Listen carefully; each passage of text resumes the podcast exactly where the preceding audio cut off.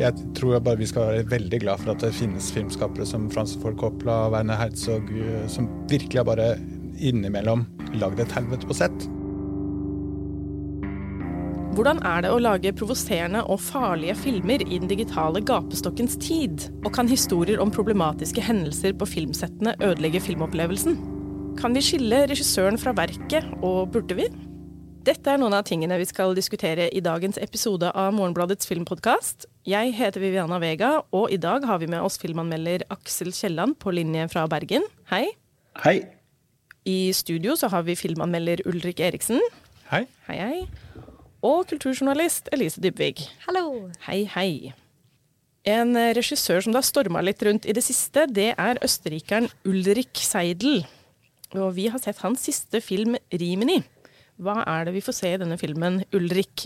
Der får vi møte en eh, smørsanger som uh, livnærer seg uh, i Rimini, som da er jo en badeby i Nord-Italia.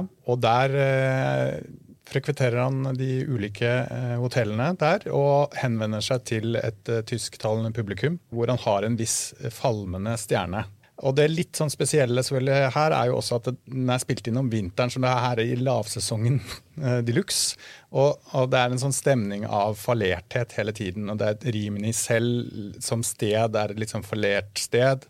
Alt har sett sine bedre dager på mange måter. Ja, Inkludert Richie. Inkludert denne smørsageren Richie Bravo, som da må leve med uh, at han er i ferd med å måte miste både status og penger. Og eh, kompenserer dette med å være litt ekstra gavmild mot sine fans i form av seksuelle tjenester.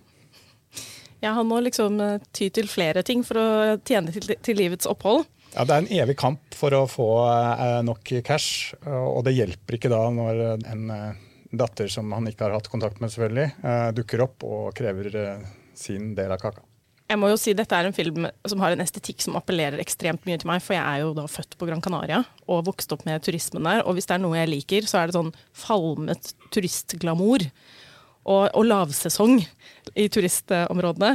Men eh, det er Rimini, altså virkelig deprimerende sted om vinteren, eh, må jeg si. Ja, jeg synes eh, det er Noe av det som er det aller beste med filmen, er nettopp den stemningen den beskriver fra den byen. Det er skikkelig baksiden av medaljen. på en måte. Det er baksiden av alt. Både av måte, turistmaskineriet, men også av alderdom og skjønnhet og seksualitet. og Det er på en måte en det er et møte med baksiden. Ja, og noe som bidrar til det, er jo alle disse afrikanske migrantene som står rundt i bybildet. Som han passerer hver dag og prøver å ignorere som best han kan. Men du får en sånn følelse av å se en del av Europa som er ingens drøm, da, men som er en, en hard eh, realitet.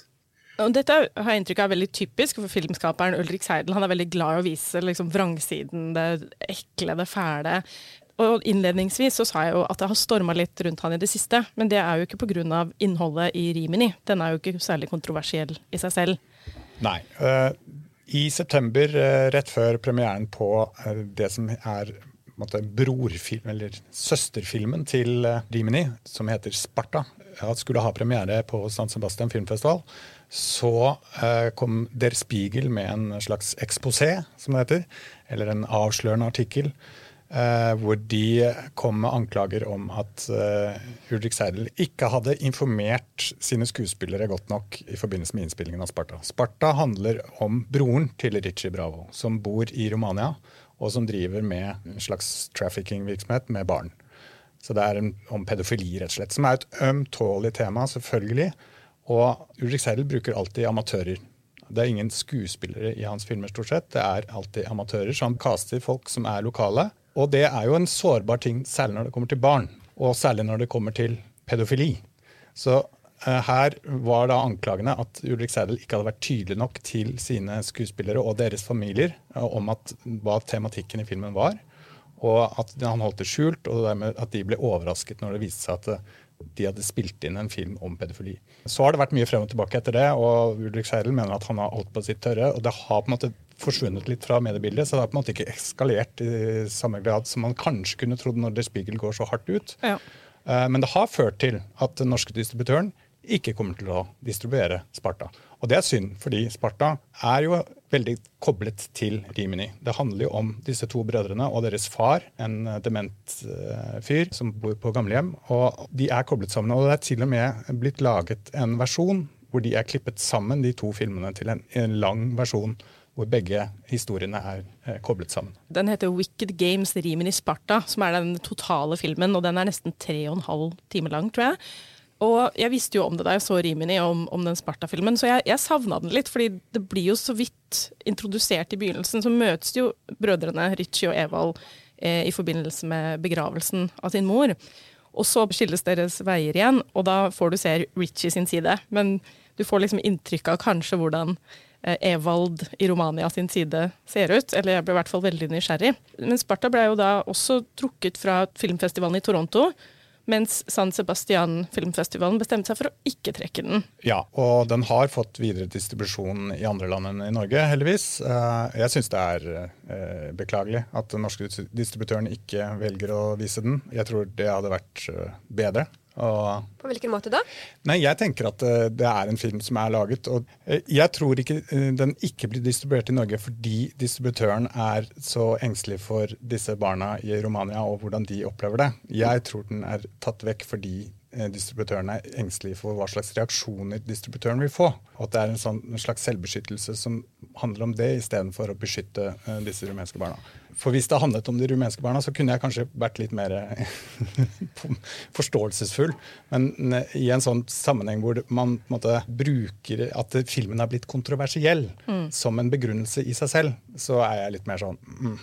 Det er jo litt rart, for det pleide å være et veldig godt salgsargument uh, før i tida. At en film var kontroversiell. Da var jo alle sånn Å, jeg må jo se den! Jeg må jo gjøre meg opp en mening om det. Men nå er det litt andre tider, er det ikke det? Aksel, du skrev jo en kommentar om hvordan den farlige filmen har forsvunnet og blitt erstatta av såkalt problematisk innhold. Man kan vel kanskje diskutere hvorvidt, hvorvidt all oppmerksomhet har, har, latt seg omsette i billettsalg eh, på sine filmer. Men det, det var iallfall en logikk, tydeligere logikk før, da, når man hadde mindre å velge mellom. At hvis filmen fikk oppmerksomhet, så fikk den oppmerksomhet. Eh, og, og, det kunne lede til at folk gikk og se den. Mens i dag så kan folk Eh, konsumere sånne medieskandaler og så bare gå videre med livet sitt og aldri løse billett. Det jeg skrev om uh, i den teksten jeg skrev om i fjor, handla mer om den gamle ideen om den farlige filmen og, og den moderne ideen om, om problematisk innhold, som uh, har å gjøre med mange ting, uh, mange aspekter om hvordan vi forholder oss til film og kultur i sin alminnelighet.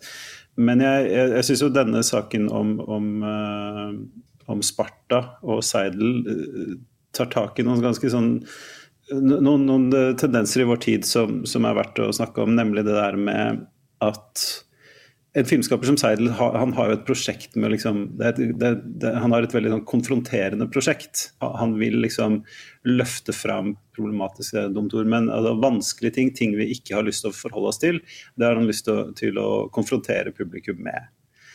Og lenge så var det selvsagt at innen filmverdenen så fantes det et plass til det. Uh, altså det, det, var sånn, det, var et uh, kunstnerisk prosjekt som, som, man kanskje ikke likte, uh, men, men, som man liksom tok for gitt at var der. Og så har vi liksom de siste ti årene, kanskje, kan du si, så har det blitt utfordra stadig mer. Da, og det er en sånn det er en idé om liksom, trenger vi dette? Og Det er en tendens som jeg har vært en stund, det òg, uh, men som på en måte har blitt forsterket. Det er at man har en tendens til å tenke at filmskapere som lager filmer som er ekle eller tar tak i litt vanskelige ting eller grusomme ting eller perverse ting eller ting som vi helst ikke vil ta tak i, de må nødvendigvis være litt perverterte selv. Og det er litt den taken jeg føler ligger bak uh, Der Spiegels analyse, er at jeg føler, når jeg leser den artikkelen, så føler jeg at journalisten allerede har bestemt seg for at uh, Ulrik Seidels prosjekt er litt problematisk. Og at han måtte, ønsker å finne uh, noe som er vanskelig. Og dermed fordi at det, jo, men Se på filmene hans. De, liksom, de, beskriver jo helt grusomme ting. Det må jo være noe grusomt som foregår her. Nå har ikke jeg noe ekspertise på akkurat uh den filmen og den situasjonen, men om en sånn reaksjon kan òg ha å gjøre med i alle de år kunstnere, og da særlig mannlige kunstnere, har skrevet om udådene sine og gjort de om til kunst. Nå tenker jeg òg særlig på han franske forfatteren som omtales i den boken 'Samtykke' av hun Vanessa Springora. Og der han skrev om sitt forhold til mindreårige, f.eks. Og alle var sånn 'Å, det var så flott. Å, det var stor kunst. Å, det var kjempebra'. Og så tenkte jeg nei, den har ingenting med virkeligheten å gjøre. Og så finner en ut at sånn Oi, det var jo omtrent dagbøkene hans.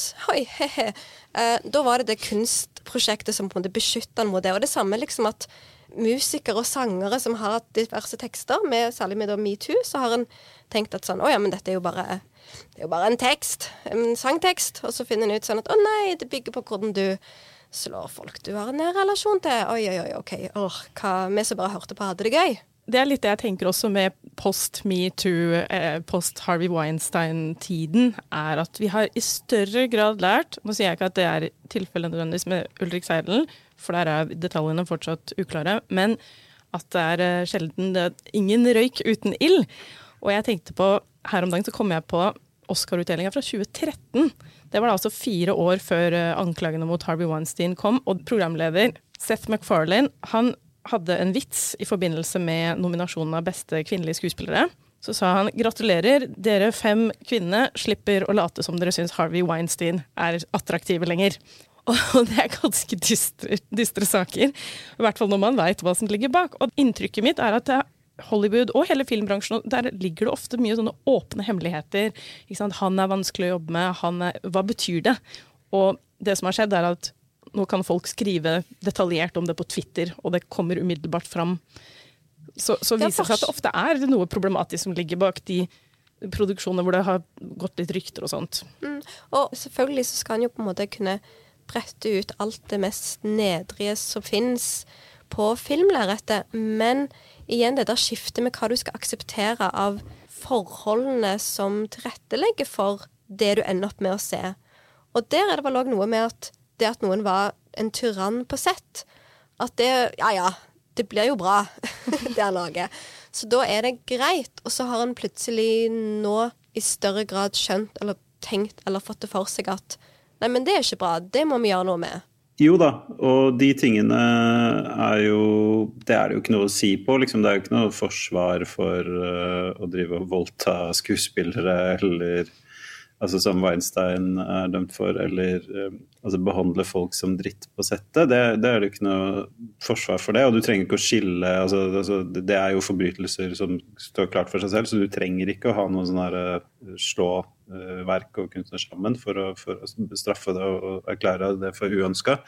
Men jeg tror at vi må liksom skille litt på forskjellige ting her, da. Og det er litt det som Ulrik var inne på, at den der ideen med at man leter etter ting og antar at de er der. Hvis, hvis, hvis verket er problematisk. Uh, og så er det sånn som Lise sier, at man, det er jo litt, litt, synd her at man har fått veldig gode grunner til å gjøre det. Uh, så, så, det er jo en balansegang her. Men for min del så er det helt, det er helt åpenbart at, at uh, den tendensen vi snakker om nå, uh, har å gjøre med, med metoo og Black Lives Matter og en større fokus på hvem som kommer til orde, og hvem som får lov til å fortelle sin del av historien og sitt syn på saken i offentligheten.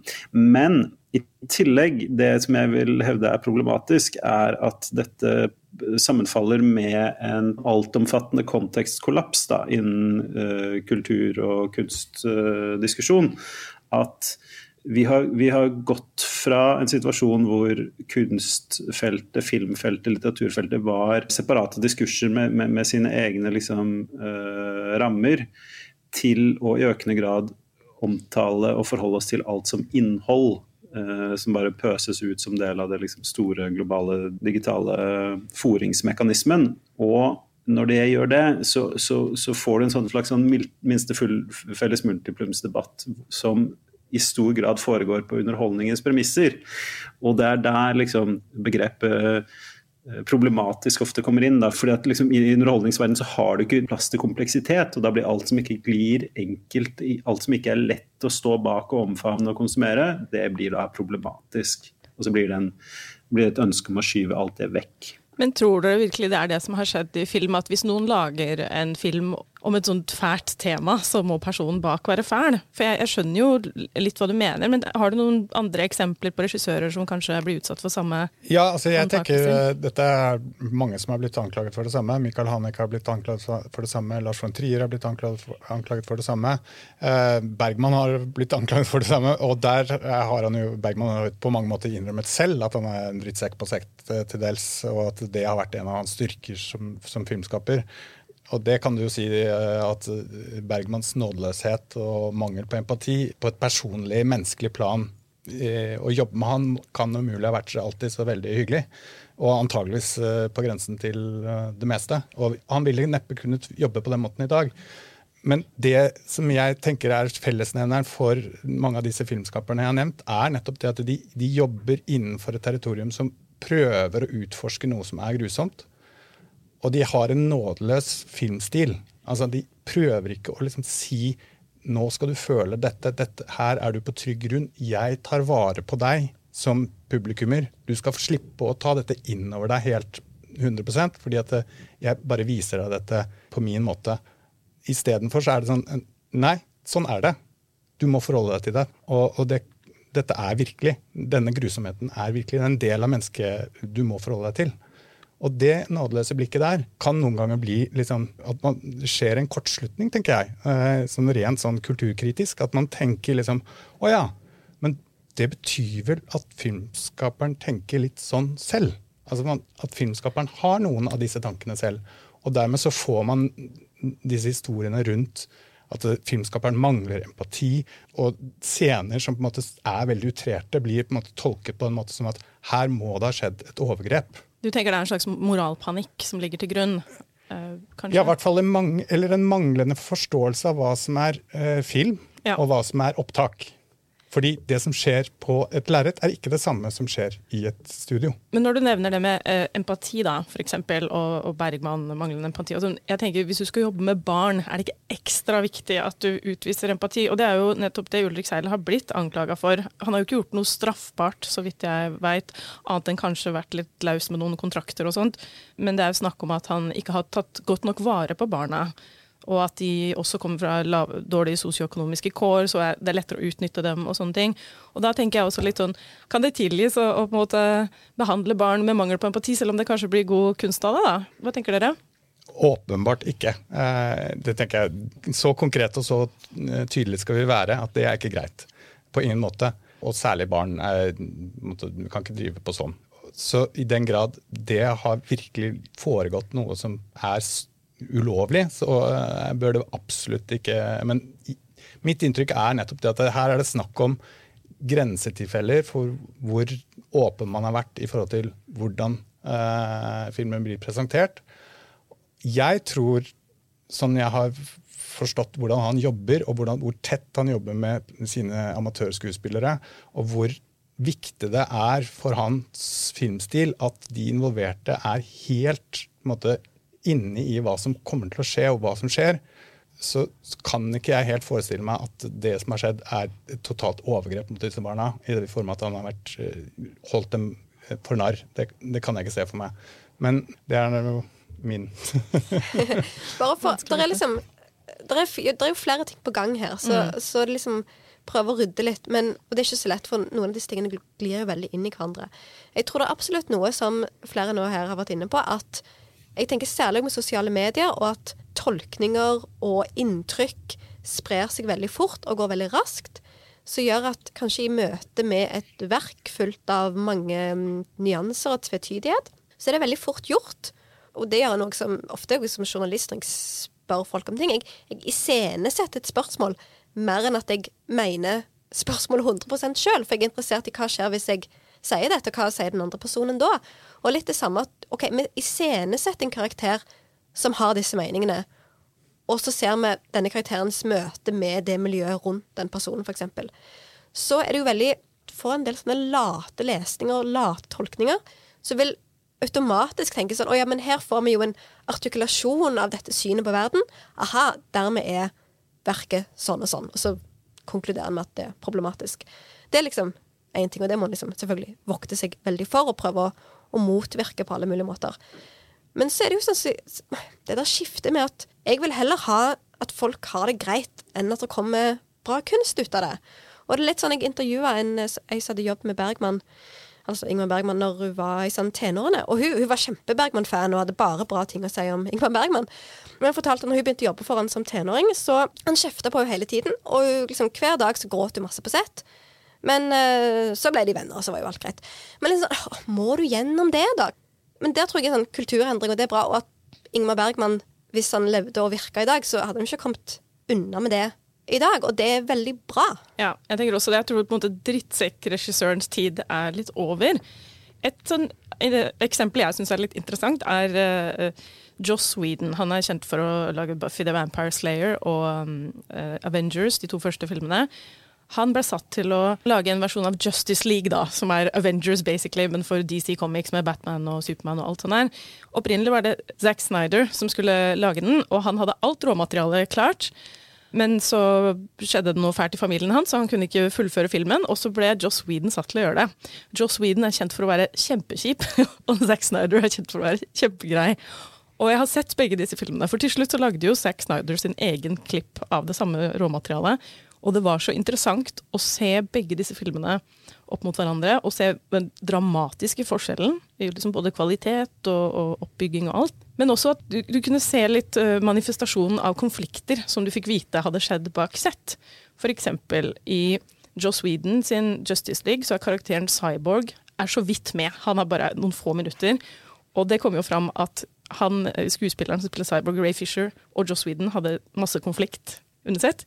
Så han ble da bare nesten fjerna fra filmen. ikke sant?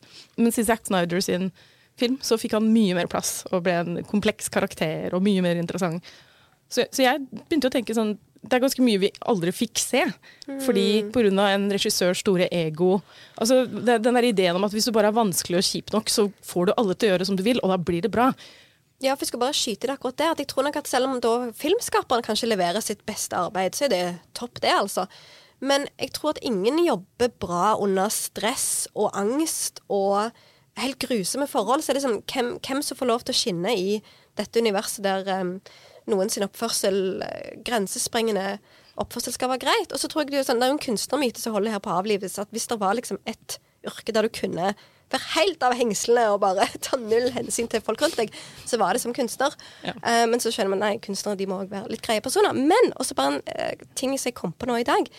Ja, For ti år siden så, så, var jeg en del av et sånn kortfilmprogram i, i, Stavanger. Du fikk lov til å skrive lite filmmanus, og så ble du kobla på en profesjonell produsent. Og så før aller første møte vi skulle ha med den produsenten, så sendte han oss en, en lenke til en tekst som handla om 'Sånn lykkes du i filmbransjen'. Og da var det én eh, regel, og det var 'vær grei'. Be nice. For det er så prosjektbasert, og du må være komfortabel med de du jobber med. Så alle har alt å tjene på at folk oppfører seg hyggelig. Men i akkurat det så tror jeg det er noe med at Det er mitt inntrykk av å bare lese litt opp sånn filmhistorie òg, at du oppfører deg hyggelig helt til du får så, et så stort navn og en så stor posisjon at plutselig så kan du tillate deg ting du ikke kunne tillate deg når du var produksjonsassistent. Uh, og så begynner ting å ese litt ut, kanskje.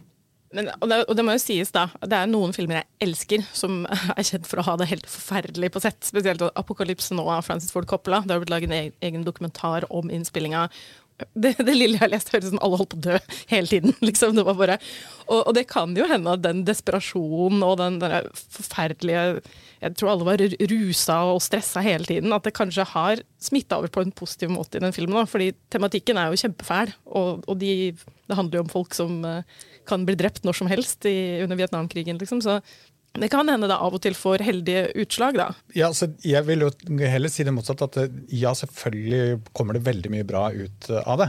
Jeg tror bare vi skal være veldig glad for at det finnes filmskapere som Francis Ford Coppola og Werner Herzog, som virkelig har bare innimellom lagd et helvete på sett. Eh, fordi noen av de kunstverkene som har kommet ut av det, vil leve for alltid. Altså, jeg tenker ja takk, altså. Eh, jeg er ikke så Da er jeg litt mer nei takk, bare sånn at jeg kan liksom hørt det. Det er bra vi er uenige. Ja. Det blir ofte et spørsmål uh, i vår tid, da. Dette med når er det greit? For du nevner apokalypse nå. Det er fortid, det er over, det er ingenting vi kan gjøre med det. Mens hvis det samme hadde skjedd i dag, og du hadde valget liksom, skal jeg gå på kino og se denne filmen og fy, altså, faktisk støtte den med pengene mine, så blir saken en annen. Jeg tenker ganske likt uh, Ulrik her, at det er jo helt åpenbart at dette kan ha en effekt, dette kan produsere kunstverk. Og så er det veldig påfallende hvordan den holdningen til dette liksom den, altså sånne Historier om, om trøblete og, og, vanskelige og liksom risikable filminnspillinger var jo, altså det var jo en sånn egen sjanger av anekdoter som, ble, som verserte før, og det, og det, bygde jo veldig rykte til filmskaperne. Liksom. Oi, de, de, gjorde det, de risikerte det, de uh, gjorde alt det. Og det har jo forsvunnet, og, og da er jo liksom grunnen som, som Elise sier, at uh, i dag så har vi liksom vedtatt det, at nå, nå, vil vi heller at folk skal ha det bra. Nei, men Tror du at en film blir bedre hvis man har det kjipt på sett, liksom? Eller eh, det... Nei, som regel ikke. Men tror, som, som, regel så gjør jeg ikke det. Som regel så tror jeg det er en dum idé å, å, å tenke at man skal liksom tyrannisere fram et mesterverk. Men jeg tror også at uh, det er dumt å late som det aldri har skjedd. Helt klart. Men jeg tenker også litt på det med, som, som du var inne på også, med, med å lese motiver og, og liksom altså lese mellom linjene, da. Når noen lager en film som er veldig provoserende og ekkel. Det kan være et stort problem, hvis det faktisk er sånn at hver gang du lager en film om noe skikkelig seriøse, realistiske hendelser, f.eks., at folk antar at du, du, er en creep, på en måte. Men samtidig jeg føler ikke at det er et nytt fenomen å lese motiv inn i regissøren. Jeg har i hvert fall alltid gjort det. Og kanskje det er en generasjonsting, men jeg jobba jo videosjappe på tidlig 2000-tallet, og da husker jeg det kom Eh, en film som het Ken Park av Larry Clark. Og Larry Clark var jo notorisk allerede fordi han regisserte Kids på 90-tallet, som var den derre hyperrealistiske filmen om eh, tenåringer i New York som ruser seg og har sex og får aids, og det er ikke måte på. Og jeg så aldri Ken Park, men jeg hørte hva alle, alle som leide den, sa det sykt mye sex og masse nakenhet og veldig rar film. Og så leste jeg om den, og så leste jeg at Larry Clark var jo da sånn 59 eller noe sånt. og at han var kjæreste med en av skuespillerne i filmen, som da var 22 år gammel. Og som spilte en av disse veldig nakne personene i denne filmen. Og jeg tenkte da Dette er ikke en film jeg har lyst til å se, faktisk. For jeg følte meg ganske sikker på at dette ikke var en film laget for meg. Hvis du skjønner? Det skjønner jeg veldig godt. Og det er vel noe med at denne dynamikken med Jeg eh, skal ikke se bort ifra at eh, kvinner kan være òg helt grusomme å ha med å gjøre. Særlig hvis de får eh, ja igjen, makt og posisjon og status, og står de der på et filmsett. Og jeg tror denne filmen Jeg har ikke sett den ennå, men Tar med Kate Blanchett mm. tar og liksom um, litt tak i liksom samme type dynamikk. Hvis du bare har nok makt, hva, hvem blir du til da? Men det er jo en her dynamikk om at liksom når du leser om noen som har blitt opplevd et overtramp i, i filmsetting, så er det ofte en mannlig regissør og en kvinnelig skuespiller. Og et klassisk eksempel der er jo den uh, siste tango i Paris med Marlon Brando. Og der er det jo en scene som det nå kommer fram liksom ble filma under helt uhyre grusomme omstendigheter. Jeg tror ikke ja, jeg orker ikke engang å gjenfortelle det. Den fins overalt på nett. Sånn at det er jo noe med den, de der ja, tyranniske mannlige regissørene, rett og slett. For jeg er helt for å, å liksom bearbeide eh, seg selv, altså å, å vise det, den horrible sannheten. Jeg har også lest noen intervjuer med Larry Clark hvor jeg tenker han, veldig, han har veldig lyst å vise sannheten. Men jeg blir usikker på om de har den nødvendige avstanden til å kunne fortelle den eller å lage den med empati. For det er jo veldig mange folk som er traumatiserte selv, som ender opp med å traumatisere andre. Og det er litt det inntrykket jeg får med mange filmer han laget. Og nå har det kommet også en dokumentar om filmen The Kids, som er laget av en av skuespillerne som spilte i Kids. Og de var jo amatører. Og noen fikk jo en god karriere etter Kids og sånt. Men eh, mange av de ungdommene følte at de bare fikk noen småpenger for å gjøre det. Ble liksom virkelig utlevert på De rusa seg på ordentlig på filmsettet. Og det var mye nakenhet, og så ble denne filmen kjempestor. Og de fikk, ble veldig eksponerte. Men da var liksom Larry Clark og Harmony Corinne da, som skrev manuset, de var liksom i Cannes og koste og drakk vin. Og så var de bare glemt, på en måte. For meg så koker det veldig mye ned til hvilket øyeblikk skal få forrang eller bety mest.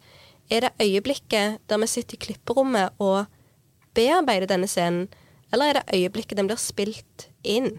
Og den franske serien eh, 'Ring min agent', som ligger på Netflix, den føler jeg er en veldig sånn lettbeint um, harselering og dramatisering av skuespillere som det er satt til nåtiden, må forhandle hele tiden med, med regissører og produsenter for hva er det hvor er det min grense stopper, og når er det filmskaperen kan få lov til å pushe på han. Og det er jo en veldig spennende ting. Så, og jeg syns det er jo bare bra at han har fått eh, et mulder av samtaler rundt han, men, altså, men det må være smarte samtaler, ikke ting du avfeier som problematisk. Ja, og jeg tenker at i hvert fall det som vi må sette som et premiss her, er at det, vi må kunne tenke at det er mulig å lage film eh, som tar opp veldig problematiske og vanskelige temaer, og likevel ha en, et sett som fungerer helt eh, 100% koselig. Altså, det er ingenting som tyder på at ikke liksom, eh, det er mulig. Eh, for alt vi vet, så var alle på settet på Rimini uendelig glad i hverandre og koste og hadde det supert. Uh, og det er Ulrik Seidel som er regissør. Altså, det kan godt hende at det har skjedd. Det er i hvert fall ikke sånn at, det, at, man ikke kan forestille seg at det er mulig.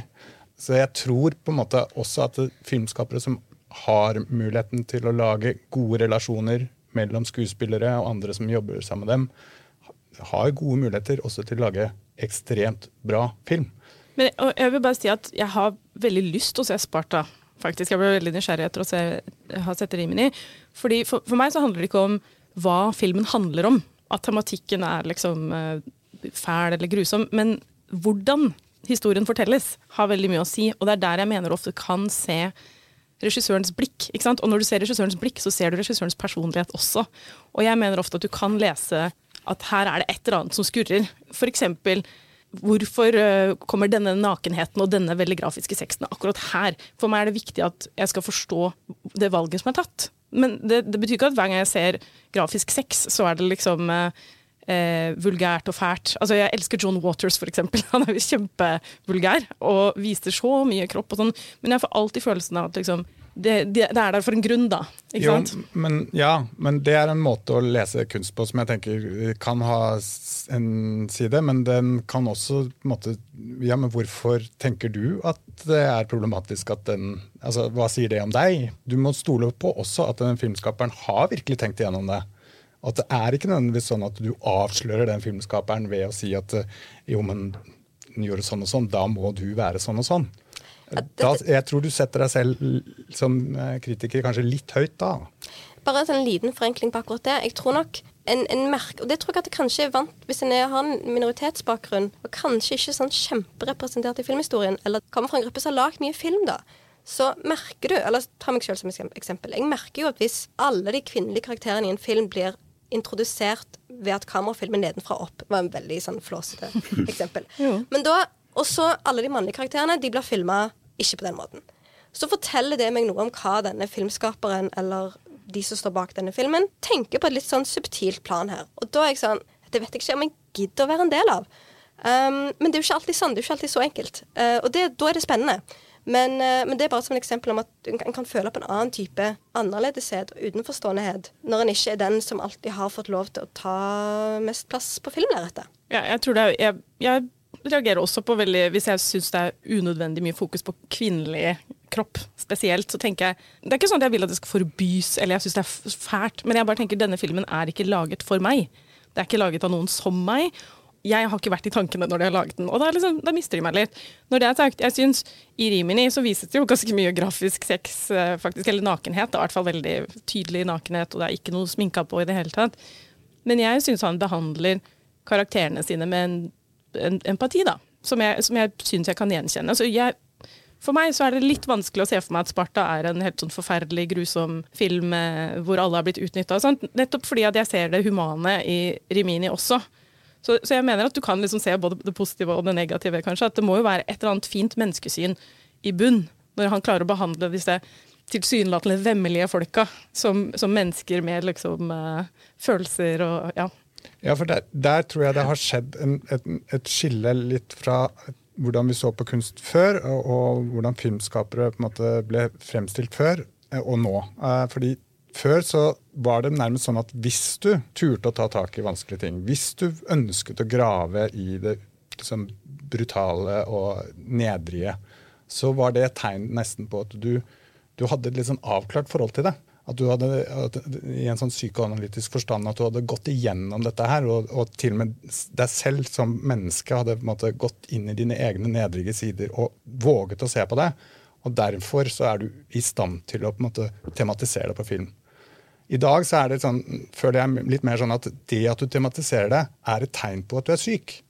Eh, veldig karikert, da. Jo, ja, Det Eh, håper jeg ikke er tilfellet, rett og Men bare for å ta det helt sånn kjapt til slutt der. Hva, hva føler du, Hvor kommer det til uttrykk mest? Er det i mottagelsen? Er det i distribusjon? Er det i Ja. Ja, det er i mottagelsen, og der er filmkritikere dessverre ikke alltid skarpe nok, syns jeg. da. Eh, Jeg synes det er, Ofte blir det en litt sånn billig kritikk, på, og, og mange filmskapere har blitt møtt på den måten. Hanneke er nevnt, von Trier har vært nevnt, Seidel absolutt. Kritikken av 'Hundedager' i 2001. Eh, Lese gjennom den. den er, er, jeg syns det er usedvanlig svakt mye av det, fordi da handler det så mye om at de antar at dette er laget av en pervers idiot. Jeg må si at jeg, jeg har helt motsatt sånn med Lars von Trier. Der har jeg alltid hørt Men jeg er enig i at det, det er veldig mye å stå hei rundt han og filmene hans. Å herregud, og det er så drøyt, og det er så drøyt. Jeg har konsekvent blitt overraska over hvor lite sjokkerende filmene hans har vært hver gang jeg ser dem. Så er det sånn Å ja. Ja, det var ikke så ille, det her. Liksom, men ja, det er noen som får virkelig det der auraen av eh, Å, det er noe galt med han, liksom. Da er vi jo inne på det vi starta om før. Da. Van Trier har alltid vært en showmann som, som, en mediefigur. Han har alltid vært brukt sånne ting til å tiltrekke seg oppmerksomhet. og være en, en Han er jo en av få kunstfilmregissører folk vet navnet på. sånn at dette er jo også elementer som kommer inn. men jeg tror et veldig viktig element her er en slags sånn demokratisering av sens sensur, sensorrollen, som har skjedd med sosiale medier. At, at du har ikke den samme liksom, portvokterfunksjonen i, i, offentligheten mer, men, men så, har, så, har, det der ansvaret for å, for å, definere hva som er tillatt og hva som ikke er tillatt, det har liksom blitt skjøvet over på den individuelle uh, publikummer. Og da siden man ikke har noen tradisjoner for å tenke på den måten, så får det ofte liksom, mindre heldige utslag. I tillegg til alle de heldige utslagene uh, det får når man går i rette med liksom, de patrialske strukturene og tradisjonene for dårlig oppførsel. Jeg tenker vi, det, det her er et tema vi kan, kunne sikkert ha snakka om i årevis. Og vi kommer sikkert til å komme inn på det igjen seinere. Men uh, jeg tenkte vi runder av der nå, så tar vi litt anbefalinger. Ulrik? Ja, Da vil jeg gjerne anbefale Ulrik Seidels uh, film 'Hundedager' fra 2001. Uh, som beskriver uh, en østerriksk forstad i noen ekstremt varme dager. Såkalte hundedager. da, Og viser noen utvalgte historier som kobles sammen. Og får frem en del av liksom, det østerrikske forstadslivet som er nesten så karikert at du ikke kan være med på det, men det er likevel Eh, noe sånn, både noe sånn gjenkjennelig, veldig dypt menneskelig, men også noe sånn Uff, det her er mørkt, mørkt, mørkt, mørkt. Men det er veldig, veldig bra, syns jeg. da. Eh, Aksel? Eh, jeg skal anbefale en dokumentar som heter 'Overnight', laget av Tony Montana Mark Brian Smith. Som er et av de fremste filmatiske portrettene av rasshøloppførsel fra en regissør. Det handler om Troy Duffy, regissøren av 'Boondock Saints', som fikk en sånn helt altså, Han ble tatt imot av Hollywood på en måte det er helt umulig å forstå i dag. Og det, det gikk til hodet på han på et nivå som er ganske spektakulært, og som da kommer ganske godt til uttrykk i denne filmen. Den er veldig vanskelig å få sett, oppdager jeg. Så man står mellom å laste ned ulovlig eller finne en gammel DVD. Men før vi begynte å spille inn, så sjekka jeg, og det fins én salgs på finn.no for 100 kroner. Hva sa du den Overnight. het? Overnight? Kun Overnight. Det fins filmer som heter The, The Overnight fra 2005-2022, som ikke må forveksles med. Ok, ok. Jeg var veldig fan av den Boondock Saints da jeg var fjortis, faktisk. Så kanskje jeg må Jeg føler alle var, syntes den var Det var mange som var det. Så, men det ja. jeg tror ikke jeg syntes den var så bra i dag.